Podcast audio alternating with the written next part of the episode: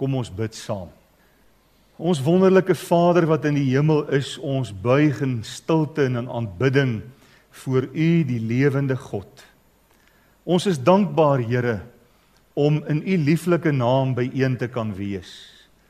Ons is dankbaar om U woord in ons midde te mag hê, daaruit te kan lees en 'n boodskap uit U hart uit te ontvang. Ons is dankbaar vir gespaarde lewens dankbaar vir u beskermende hand oor ons elke een. Seën ons in Jesus se naam vra ons dit. Amen. Kom ons sit ons diens voort met hierdie baie mooi haleluja lied. Dit is wel met my siel.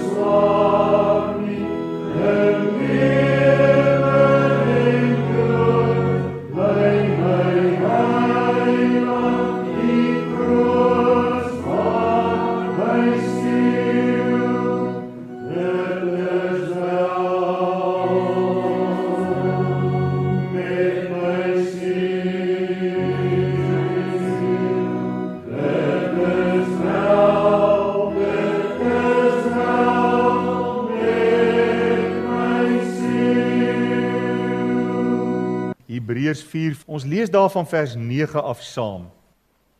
Daar bly dus 'n Sabbatsrus oor vir die volk van God.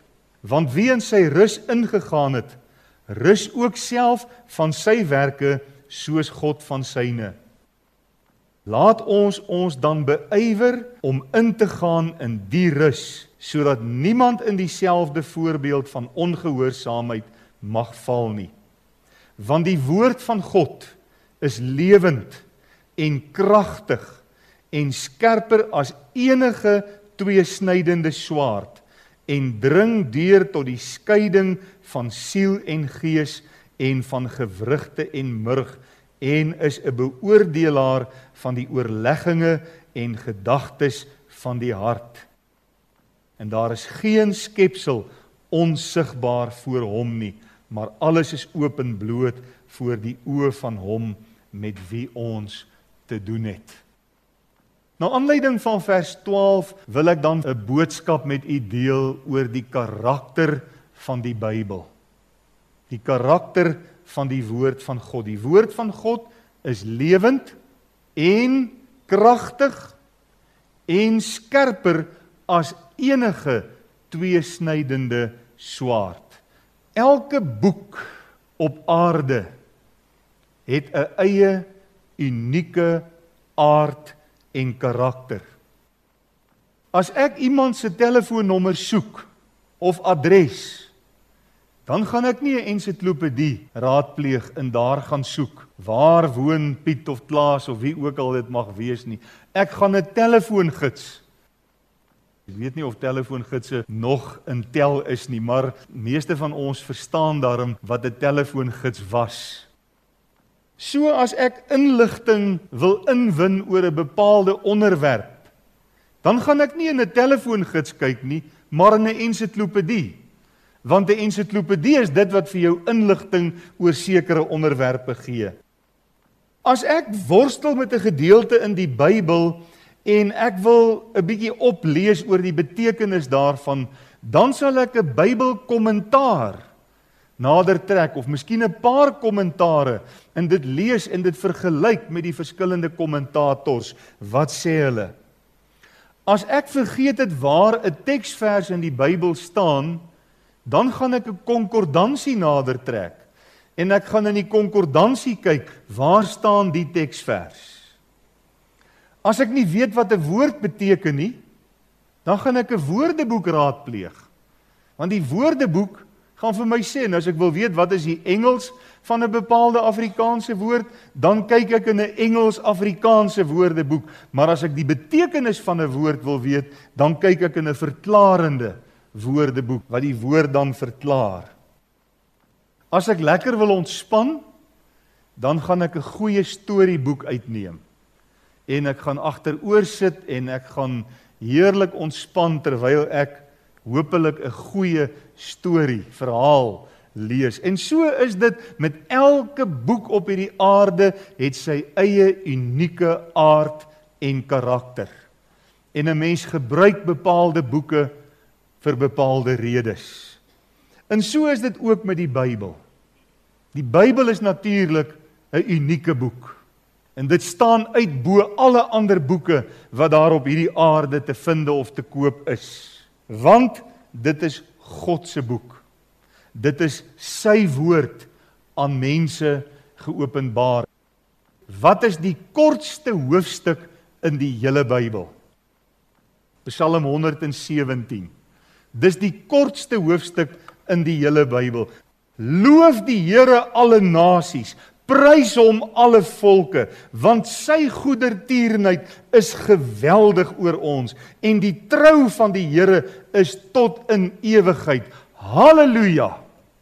Dis die kortste hoofstuk in die hele Bybel. Is dit nie aangrypend nie?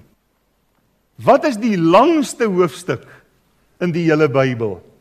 Psalm 119. En die ganse Psalm 119 van vers 1 tot die laaste vers 176 verse gaan oor die Bybel. Gaan oor die woord van God. Elke versie in Psalm 119 sê iets oor die woord van die Here. En 'n kind van die Here behoort Psalm 119 gereeld te lees. Vir een rede om 'n waardering te ontwikkel vir die Bybel. Kom ons lees daai eerste perikoop van Psalm 119. Welgeluksalig is die opregtes van weg wat in die wet van die Here wandel. Die wet is 'n naam vir die woord, is is 'n onderafdeling van die woord. Welgeluksalig is die wat sy getuienisse bewaar, hom van ganser hart te soek. Getuienisse is ook die woord van die Here. Ook geen ongeregtigheid doen nie, maar in sy weë wandel. Die weë van die Here is sy woord. U het u beveel gegee om dit trou te onderhou. Beveel is die woord van die Here. Ag, was my weë maar vas om u insettinge te onderhou dan sal ek nie beskaamd staan as ek op al u gebooie let nie. Ek sal u loof in opregtheid van hart as ek u regverdige verordeninge leer. Ek sal u insettinge onderhou, verlaat my nie geheel en al nie. Die hele Psalm 119 gaan oor die woord van die Here, die langste hoofstuk in die Bybel. Hoe sal 'n jong mens sy pad suiwer hou? Vers 9 deur dit te hou na u woord. Wat kan ons doen dat ons teen die Here nie sal sondig nie? Vers 11: Ek het u woord in my hart gebere dat ek teen u nie sal sondig nie. Wat is die middelste hoofstuk in die Bybel? Die hoofstuk wat presies in die middel lê, is Psalm 118. Tussen die kortste en die langste vind ons die middelste hoofstuk in die Bybel. Voor Psalm 118 is daar 594 hoofstukke. Terug na Genesis 1 toe. En na Psalm 118 is daar 594 hoofstukke na Openbaring 22 toe. Psalm 118 lê presies in die middel. En as jy 594 en 594 bymekaar tel, dan kry jy 1188. 1188. En Psalm 118 vers 8 is die middelste vers in die Bybel. En weet jy wat staan in Psalm 118 vers 8? Dit is beter om by die Here te skuil as om op mense te vertrou. Dis die beste raad wat enige iemand ooit sal kan ontvang. Dit is beter om by die Here te skuil as om op mense te vertrou. Ons kan die Here vertrou met ons hele hart.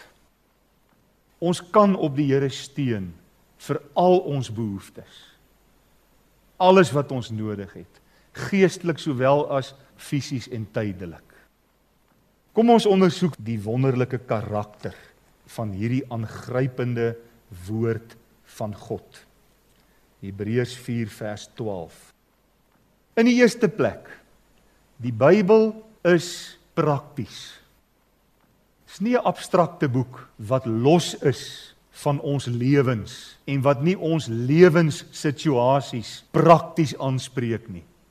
Dis die mees praktiese boek wat die outeur van die heelal, die skepper van die heelal en die skepper van die mens vir ons laat opteken het deur die skrywers van die Bybel om ons lewenssituasies prakties aan te spreek. En dit sien ons in die woorde want die woord van God is lewend. Daardie woordjie lewend in die Grieks is die woord zahu, 'n werkwoord wat beteken een van 5 dinge. So ryk is hierdie woord in betekenis. Dit het een van 5 moontlike betekenisse. Die eerste is om fisies lewendig te wees in teenstelling met om dood te wees. Dit beteken in die tweede plek lewe in 'n verhewe sin anders as diere. Een ek het 'n besondere manier van lewe anders as diere. Diere reageer op instink. Diere het 'n bepaalde DNA wat die Here hulle gegee het. Maar hulle kan nie sit in vergaderings hou en planne maak en redeneer en wat dit ook al mag wees nie, hulle reageer instinktief. En dit is soms wonderlik om te sien wat diere met hulle instink kan doen. As ek dink aan 'n sjimpansee wat neute met 'n klip oopkap. Hy het uitgewerk hier dat hy kan daai neut as hy 'n klip vat kan hy en hy slaan hom dan kom hy neut oop en dan kan hy hom eet. Maar dis instinktief. Dis nie dat hy kan redeneer soos 'n mens nie. 'n Mens besit 'n verhewe vorm van lewe. Ons is geskep na die beeld van God. Ons kan dink, ons kan redeneer, ons kan uitvind, ons kan ontwerp, ons kan ontwikkel. Ongelukkig het die sondeval die ontwikkeling baie negatief geraak en ontwikkel die mens nie altyd in die regte rigting nie, maar meer dikwels in 'n verkeerde rigting. Maar dit is dan die woord zao se tweede betekenis, die verhewe manier van lewe. En dit kan ook dui byvoorbeeld om heilig te lewe. Dis 'n verhewe vorm van lewe, 'n heilige lewe, 'n toegewyde aan God lewe.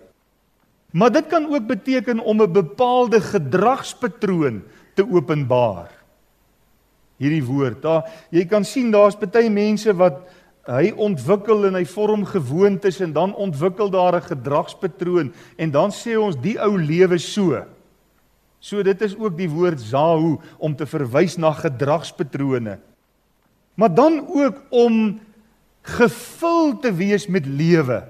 En hier dink ek aan 'n fontein met water wat uitborrel helder skoon drinkbare heerlike koel water teenoor die dooie see waar daar geen organisme in is wat lewe nie.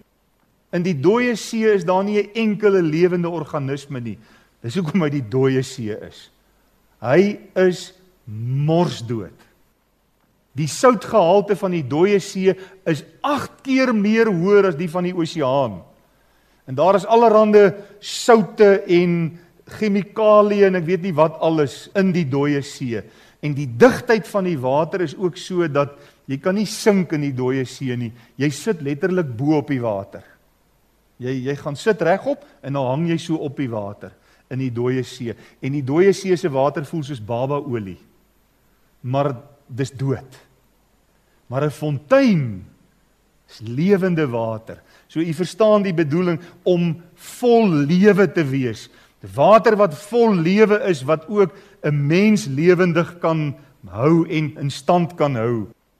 In 'n manier is dit wat Hebreërs 4 vers 12 vir ons sê, die woord is vol lewe, dis soos 'n fontein wat lewegewend is. As ons nou kyk na die gebruiksbetekenis, dan is dit min of meer, maar ook die vyfde is ook wat die woord hier vir ons uh, opdui en dit is lewend want dit werk produktiwiteit. Dit gee vir jou krag om produktief te wees. En dit is die woord. In hierdie sin is die woord van God lewende boek. En eintlik kan 'n mens sê die Bybel is 'n lewende boek in elke opsig. Die Bybel is nie dood nie. Weet jy wat vir my wonderlik? Die Bybel is die oudste van alle boeke. Hy bly nuut en hy bly vars en hy bly op datum want die Bybel is lewend. Dis God se lewende woord.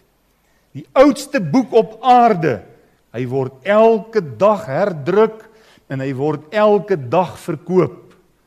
Dis 'n lewende boek wat nooit sy krag sal verloor nie. Die Bybel is 100% op datum. Die Bybel is 100% op datum, meer op datum as volgende week se koerant. Geen gebeurtenis op aarde sal ooit kan veroorsaak dat die Bybel uitgedateer is nie, want dis die lewende woord van God. Dit sal lewe tot in ewigheid. Dit sal nooit sy aktualiteit verloor nie. Dit sal altyd daar wees om enige situasie in ons lewens akkuraat en goed aan te spreek. Dis werklik die enigste boek wat vir 'n mens goeie raad vir jou lewe kan gee, vir die beginsels om goed en ordentlik te lewe. Dis eintlik hartseer. Baie mense gebruik die Bybel net vir sy etiek. Om met ander woorde beginsels te put vir 'n goeie Christelike lewe. En soveel mense kom nooit by die outeur van die Bybel, Jesus Christus uit nie. Dis hartseer. Maar dit is inderdaad so. Soek ons raad vir ons verhoudings op aarde. Jy sal die beste raad in die lewende boek, die woord van die Here kry. Soek ons raad vir ons huwelike. Daar is dit. Die beste raad wat jy kan soek. Soek ons raad vir hoe ons in moeilike situasies moet optree in die Bybel. Die Here gee vir ons Elke ding wat ons nodig het, is in die Bybel opgeteken. Die Bybel is die beste boek vir moraliteit. As jy goeie, hoë morele waardes wil nastreef, sal jy dit in die woord van God kry. En die beste van alles. Die Bybel is die fontein van lewe. Waar jy Christus kan ontmoet, gered word vir die ewigheid jou lewe verander word. Want die woord van God is lewend. En ek dink u het agtergekom hierdie lewend beteken prakties. Dis nie 'n abstrakte boek wat los van ons lewens geskryf staan en wat glad nie ons lewenssituasies aanspreek nie. Dit spreek elke situasie van ons lewens aan. Ons teksvers sê in die tweede plek die woord is kragtig. Jy het seker al baie boodskappe gehoor waar die Griekse woord vir krag uitgelê en verduidelik word. En u sal weet dat die meeste van die tyd word die Griekse woord dinamus vir krag gebruik waar ons woord dinamiet vandaan kom. Maar dis nie die woord hier nie. As hier staan die woord is lewend, zahu en kragtig, is dit nie dinamus, dinamietkrag nie. Dit is die woord energes, energie. Die woord is gevul met energie. Dis wat hier staan. As daar staan die woord is kragtig. Dis energiek. En dit besiel 'n mens van binne af. Dit wakker jou aan. Daar's ongelukkig nie 'n Afrikaanse woord vir energize nie. Jy kan sê besiel en aanwakker en dit gee jou innerlike energie. Maar die beste woord wat jy kan gebruik is die Engelse woord the word of God energizes. Dit gee energie. En dis die betekenis van die woordjie kragtig hier in die tweede plek. En dit verklaar waarom Petrus in 1 Petrus 1 vers 23 met soveel oortuiging die woord van die Here laat uitgaan en sê: "Julle is wedergebore nie deur verganklike saad nie, maar deur onverganklike, deur die lewende woord van God wat tot in ewigheid bly." Wat gebeur as 'n mens weergebore word?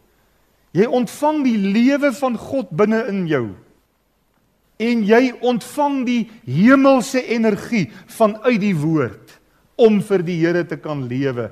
Jy kry 'n geestelike hartoorplanting sê Esegiel 37 vir ons. Die Here haal die hart van klip uit die binneste en hy sit 'n hart van vlees, 'n geestelike hart in jou binneste en jy het hierdie energie en hierdie lus en jy's besiel en jy's aangewakker om vir die Here te leef. Die woord is kragtig, energes. Die woord van die Here het krag om 'n verlore sondaar, iemand wat dood is in sy sonde en misdade, uit daardie geestelike dood op te wek, net soos wat die woord van die Here Jesus Lazarus uit die dood uitgeroep het toe hy fisies dood was.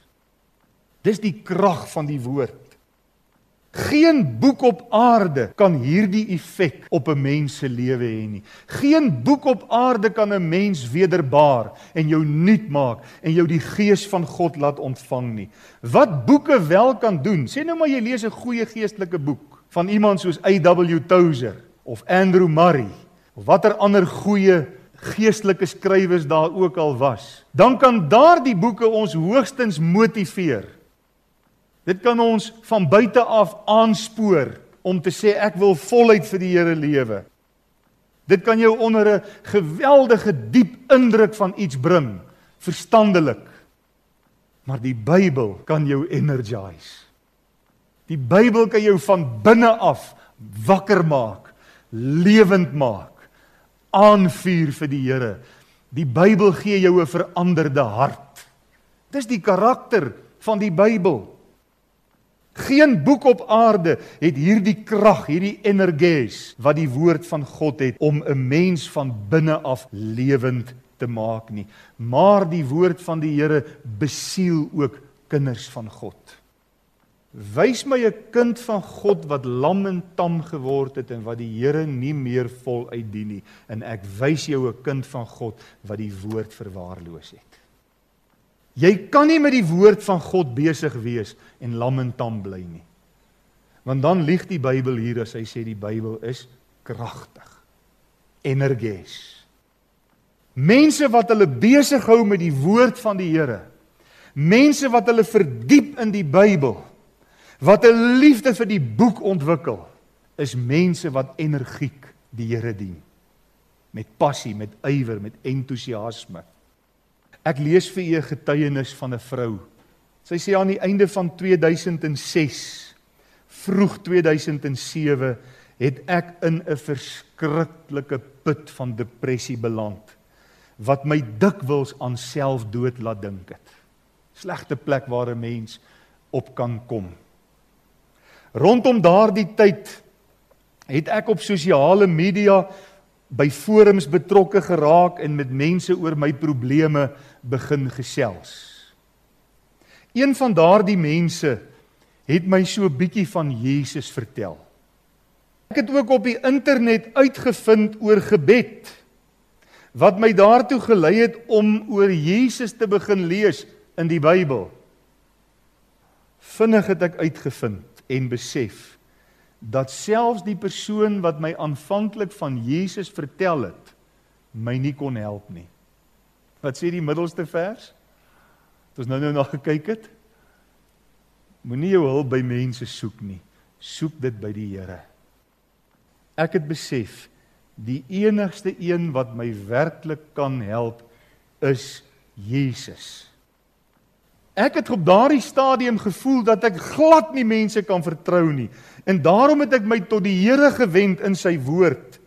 Ek het die Bybel begin lees en ek het die krag van God in my begin ervaar. Nou gaan dit met my wonderlik goed en ek dink glad nie meer aan selfdood nie. Ek vertrou mense meer, maar ek besef ek kan alleen op die Here steun. Dank die Here dat hy my so verander het. En danksy Jesus wil ek nie meer sterf nie. Ek wil vir hom lewe. As dit nie vir hom was nie, as dit nie vir sy woord was nie, sou ek versekerde einde aan alles gemaak het. Dis egter nie al wat die Here vir my gedoen het nie. In hierdie tyd van soeke het hy ook my siel gered en nou het ek die ewige lewe. En dan haal hierdie persoon Johannes 3 vers 16 en 17 aan, want so lief het God die wêreld gehad dat hy sy eniggebore seun gegee het sodat elkeen wat in hom glo nie verlore mag gaan nie maar die ewige lewe kan hê want God het sy seun nie in die wêreld gestuur om te veroordeel nie maar dat die wêreld deur hom gered kan word. Maar die laaste gedagtetjie is dat die woord is opmerksaam. Dis vir my 'n mooi Afrikaanse woord, opmerksaam. Ons dink ons lees die Bybel. Maar intussen is die Bybel 'n spieël wat baie diep in ons eie harte inskyn. Jy sien hierdie lewende kragtige boek. Terwyl ons dit lees, gebeur daar iets in ons lewens. Deur die opmerksame woord van God. Dit is skerper as enige twee snydende swaard en dring deur tot die skeiding van siel en gees. Dis die diepste wat enige iemand ooit 'n operasie op 'n mens sal kan doen, is daar waar jou siel en jou gees geskei word. En dis net die Bybel wat daar kan indring. Dis net die Bybel wat hierdie delikate operasie kan doen om tussen want jy weet by jou siel hou jou wil mos wag en die dooie wil van 'n mens probeer God uit die gees uithou. Maar as die Bybel daardie snit kom maak tussen jou gees en jou siel en hy kom skep hierdie opening en die lewende kragtige woord van God vind ingang, dan gebeur daar 'n wonderwerk in 'n mens se lewe, die wonderwerk van redding. So dit gaan in tot die skeiding van siel en gees, die heel diepste plek en van gewrigte en murg en is 'n beoordelaar van die oorlegginge en gedagtes van die hart. Die Bybel beoordeel ons. Dis wat hier staan.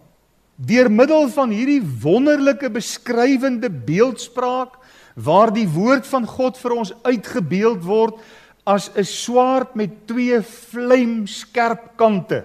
En die swaard waarvan Paulus hier praat, was inderdaad 'n vlamskerp swaard waarmee jy die hare van jou arm sou kon afhaal, so skerp. Sê hy hierdie woord is soos hierdie swaard. Dis in staat om te dissekteer, om skeiding te maak tussen gees en siel, gewrigte en murg. Om te beoordeel, om te onderskei. Die opmerksame woord van die Here bring in my gemoed die onderskeid tussen reg en verkeerd. Die mens verdraai ongelukkig dikwels die woord en noem reg verkeerd en verkeerd reg. Jesaja 5 vers 20 wie hulle wat sleg goed noem en goed sleg, wat duisternis lig maak en lig duisternis, wat bitter soet maak en soet bitter, wie hulle wat in hulle eie oë wys is en na eie oordeel verstandig is. Laat die woord van God toe om in te kom en hierdie oordeel te kom vel en te kom wys wat is reg en wat is verkeerd en neem dit aan. Sien as die Bybel in 'n mens se lewe inkom, dan begin daar onderskeid in jou binneste kom tussen waarheid en leuen, Jy sien vinnig die leuen raak want die woord werk in jou hart. Dan lê dit 'n mens se motiewe bloot soos niemand en niks anders dit kan doen nie. As jy die woord lees, dan kom jy agter maar my motiewe is verkeerd.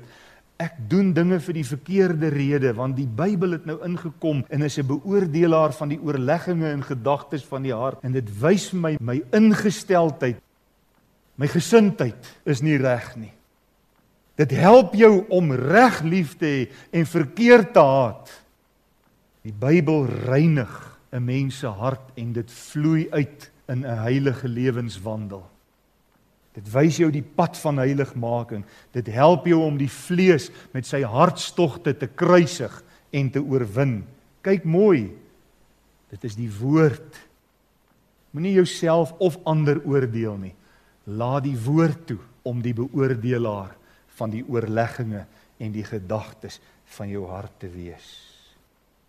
D.L. Moody skryf so mooi: Die skrif is nie aan ons gegee om ons kennis te verbreek nie, maar om ons lewens te verander. Dis die doel van die skrif. Nie om ons slim te maak nie. Nie dat ons kan sê, "Ooh, ek ken die Bybel so goed en ek is so goed onderlê in die skrif." om ons lewens te verander. Bruce Barton vra in sy kommentaar the Life Application Bible Commentary: Wie ken jou regtig? Ken jou vrou jou regtig? Ken jou man jou regtig? Het jy miskien 'n beste vriend wat jy dink wat jou werklik goed ken? Die woord wat lewend is, kragtig is, ken ons regtig en lê ons aan onsself bloot. Dis hoekom Paulus sê terwyl ek soos in 'n spieël die heerlikheid van God aanskou. Wat is Paulus hiermee besig? Met Bybelstudie. So maar as jy Bybelstudie doen is dit of jy in 'n spieël kyk. En ek aanskou die heerlikheid, dan word ek van gedaante verander. Dis die woord, dis die karakter van die woord as die woord vir ons oopgaan en ons ontwikkel 'n liefde vir hierdie boek en ons kom op 'n plek waar ek amper wil sê jy kan dit naderhand nie neersit nie. Jy kry nie genoeg daarvan nie. Jy kan nie diep genoeg jou instudeer in die woord nie. Dan ervaar jy dat die Bybel is lewend, energes.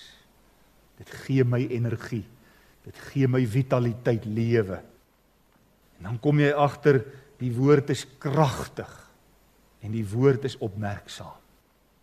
En die opmerksame woord werk in my hart om God se doel te verwesenlik. Mag die Here vir u en vir my in staat stel, liewe broers en susters, dat ons hierdie boek sal lief hê met ons wese en dat ons dit sal bestudeer en ons lewens, wat sê Jakobus, daders van die woord word en nie net hoorders wat onsself bedrieg nie. Mag die Here ons help. Amen. Hemelse Vader, ons wil baie dankie sê vir u woord. Baie dankie dat u woord ons dra ook deur moeilike tye. Seën ons asseblief, Here, wanneer ons besig is met die Bybel. Gee vir ons 'n brandende liefde vir hierdie boek wat ons in ons eie taal nog kan hê en help ons dat ons daagliks sal groei in kennis en in ervaring van u woord. Amen. Kom ons sing ten slotte Evangelielied 69 vers 1 en vers 4 en dit handel juis oor die wonderlike woord. Sing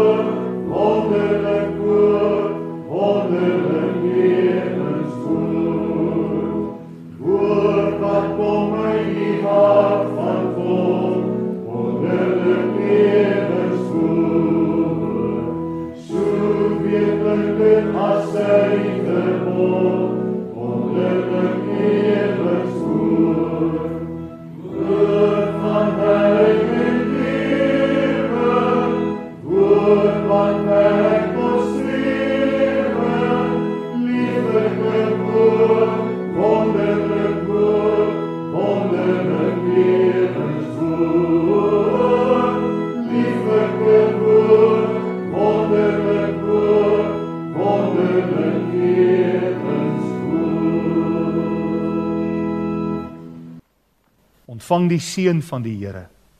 Gaan in hierdie week in sy vrede en gaan verlustig u in sy woord.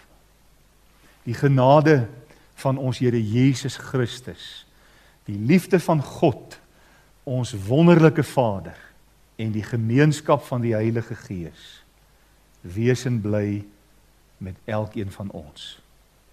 Amen.